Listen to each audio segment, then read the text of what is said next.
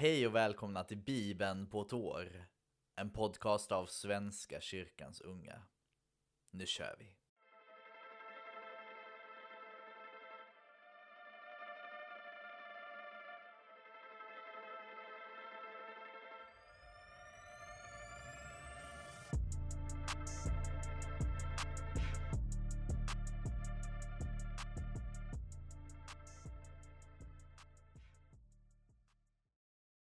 Vi ber.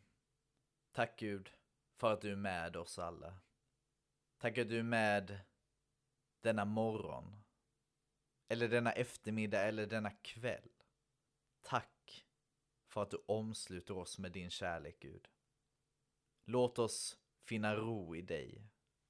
Låt oss finna tröst, styrka och energi i dig Gud. Hjälp oss att se din kärlek och hjälp oss att sprida den vidare för ett mer kärleksfullt samhälle fyllt av dig och din kärlek, Gud. Var med i dagens läsning. Hjälp oss att ta den till oss och begrunda de ord vi får höra. I Jesu namn, Amen.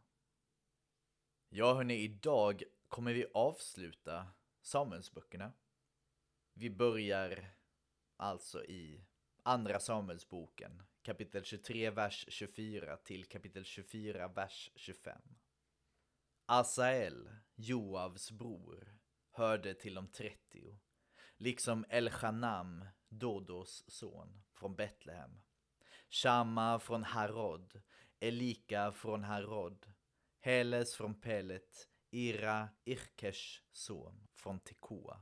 Avieser från Anatot, Sibekai av Hushas släkt, Salmon av Achuachs släkt, Machai från Netufa, Helev Baanas son från Netufa, Itai Rivais son från Giva i Benjamin, Benaja från Piraton, Hidai från Nachale Gaash, Avialvon från Arava, Asmavet från Bachorim, Eliachpa från Shaalvon, Jashen från Gison, Jonathan Shamas son från Harar, Achiam Sharars son från Arar, Elifelet Arshabais son från Maaka, Eliam Achitofels son från Gilo, Hesro från Karmel, Paarai från Arav, Jigal, Natans son från Sova, Bani av Gads stam, Selek från Ammon, Nachai från Beerot, som var väpnare åt Joav, Serujas son. Ira av Geters släkt och Garev av Geters släkt, samt hetiten Uria. 37 man, allt som allt. Herrens vrede blossade åter upp mot israeliterna och han äggade David mot dem. Du ska räkna folket i Israel och Juda, sade han. Kungen befallde Joav och hans officerare, far runt till alla Israels stammar från Dan till Bersheva och håll mönstring, så att jag får veta hur mycket folk jag har. Joav svarade kungen, Må Herren din Gud låta dig, Herre konung, med egna ögon se hur folket blir hundra gånger större ännu. Men varför vill du tvunget ha en mönstring, Herre konung? Joav och befälhavarna måste böja sig för kungens vilja och gav sig av för att verkställa mönstringen. De gick över Jordan och började med Aroer och staden nere i dalen och fortsatte sedan mot Gads område och till Jaser. Därifrån drog de vidare till Gilead och hetiternas land mot Kadesh till och nådde fram till Dan och Ion. Efter att ha vikit av mot Sidon kom de till Tyros fästning och till Hiveernas och Kananéernas städer och drog slutligen söderut till Bersheva och den del av Negev som tillhör Juda. Då hade de genomkorsat landet i dess helhet och var efter nio månader och tjugo dagar tillbaka i Jerusalem. där Joav redovisade resultatet av mönstringen för kungen. Israel kunde ställa upp 800 000 vapenföra män och Juda 500 000. Men efteråt förebrådde David sig att han hade låtit räkna folket och han sade till Herren jag har begått en svår synd. Herre förlåt din tjänare den orätt han har gjort. Det var en stor dårskap. När David steg upp följande morgon hade Herrens ord kommit till profeten Gad, kungens siare. Gå till David och säg till honom, så säger Herren. Tre ting har jag i beredskap åt dig. Välj ett av dem, så ska jag låta det drabba dig. Gad kom till David och frågade, vilket föredrar du? Att det i tre år blir hungersnöd i ditt land, eller att du i tre månader måste vara på flykt undan fienden som förföljer dig, eller att det i tre dagar blir pest i ditt land. Tänk noga efter vilket svar jag ska lämna honom som har sänt mig. David svarade, jag är i svår vånda. Men låt oss falla i Herrens händer, eftersom hans barmhärtighet är stor. I människors händer vill jag inte falla. Då lät Herren pesten drabba Israel. Den varade från morgonen fram till den utsatta tiden. 70 000 israeliter dog, från Dan till Bersheva. Men då ängeln sträckte ut sin hand mot Jerusalem för att sprida död i staden ångrade Herren det onda och sade till ängeln som spred död bland folket. Det är nog. Dra tillbaka din hand. Herrens ängel var då vid Jevusien, Aravnas tröskplats. När David såg ängeln som dödade folket sade han till Herren Det är jag som har syndat. Det är jag, heden, som har gjort orätt. Men dessa mina får, vad har de gjort? Låt straffet drabba mig och min familj.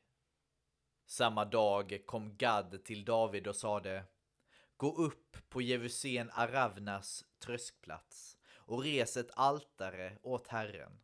Och David gick, så som Herren hade befallt honom genom Gad. När Aravna såg ut och fick se kungen och hans män närma sig gick han ut och hälsade underdånigt och frågade Varför har min herre och konung kommit till mig? För att köpa tröskplatsen av dig, svarade David. Här vill jag bygga ett altare åt Herren, så att den hemsökelse som drabbat folket upphör. Då sade Aravna, tag den, min herre och konung, och offra vad du finner för gott. Här är boskap till brännoffret och tröskslädar och ok till bränsle. Allt detta ger Aravna åt sin konung. Och han tillade, må du behaga Herren, din Gud. Men kungen sade, nej, jag vill köpa det av dig och betala för det. Jag vill inte frambära ett offer till Herren min Gud som inte har kostat mig något. Så köpte David tröskplatsen och boskapen för 50 siklar silver. Där byggde han sedan ett altare åt Herren och frambar brännoffer och gemenskapsoffer. Då lyssnade Herren till bönerna för landet och hemsökelsen som drabbat Israel upphörde. Ja, så slutar Andra Samuelsboken. Och jag tycker det är intressant det här med att David verkligen, han ville köpa platsen. Han ville inte bara få den utan han sa att ja, det här måste kosta mig någonting. Du kan inte bara ge mig det, jag måste betala det för jag vill att det här ska svida för mig som kung också. Så det tycker jag var fint att David ändå förstod att han hade gjort fel. Inte Aravna som skulle ge marken till David och Gud. Vi fortsätter i Apostlagärningarna. Kapitel 3, vers 1 till 26. Petrus och Johannes gick upp till templet vid tiden för eftermiddagsbönen. Då bars det dit en man som varit lam från födseln och som man varje dag brukade sätta vid en ingång kallad Sköna porten så att han kunde tigga av dem som besökte templet. När han nu fick se Petrus och Johannes på väg in bad han om en allmosa. De fäste blicken på honom och Petrus sade Se på oss. Mannen såg spänt på dem och väntade sig att få något av dem. Men Petrus sade Silver och guld har jag inte, men vad jag har, det ger jag dig. I Nazaren, Jesu Kristi namn, stig upp och gå. Så grep han honom i högra handen och reste honom upp, och med ens fick mannen stadga i fötter och vrister. Med ett språng var han på benen och började gå. Han följde med dem in i templet, och han gick omkring och han hoppade och han prisade Gud. Allt folket såg honom gå omkring och prisa Gud. Och när de upptäckte att det var mannen som brukade sitta och tigga utanför templet vid sköna porten fylldes de av bävan och häpnad över vad som hade hänt med honom. Mannen ville inte släppa Petrus och Johannes och alla skockades i förundran omkring dem i Salomos pelarhall, som den kallas. Då sade Petrus till folket, Israeliter, varför blir ni förvånade över det här? Ni stirrar på oss som om det var genom vår egen kraft eller fromhet vi fick mannen att gå. Nej, Abrahams, Isaks och Jakobs Gud, våra fäders Gud, har förhärligat sin tjänare Jesus. Honom som ni utlämnade och som ni förnekade inför Pilatus när han hade beslutat sig för att frige honom. Ni förnekade honom som var helig och rättfärdig och begärde att få en mördare frigiven. Och vägvisaren till livet dödade ni. Men Gud har uppväckt honom från de döda, det kan vi vittna om. Och genom tron på hans namn har det namnet gett styrka åt mannen som ni ser här och som ni känner. Den tro som kommer genom detta namn har gett honom full hälsa i allas er åsyn. Nu vet jag, mina bröder, att ni handlade av okunnighet, ni liksom era ledare. Men på så sätt har Gud låtit det gå i uppfyllelse som han har förutsagt genom alla sina profeter. Att hans Messias skulle lida. Ångra er därför och vänd om så att era synder blir utplånade.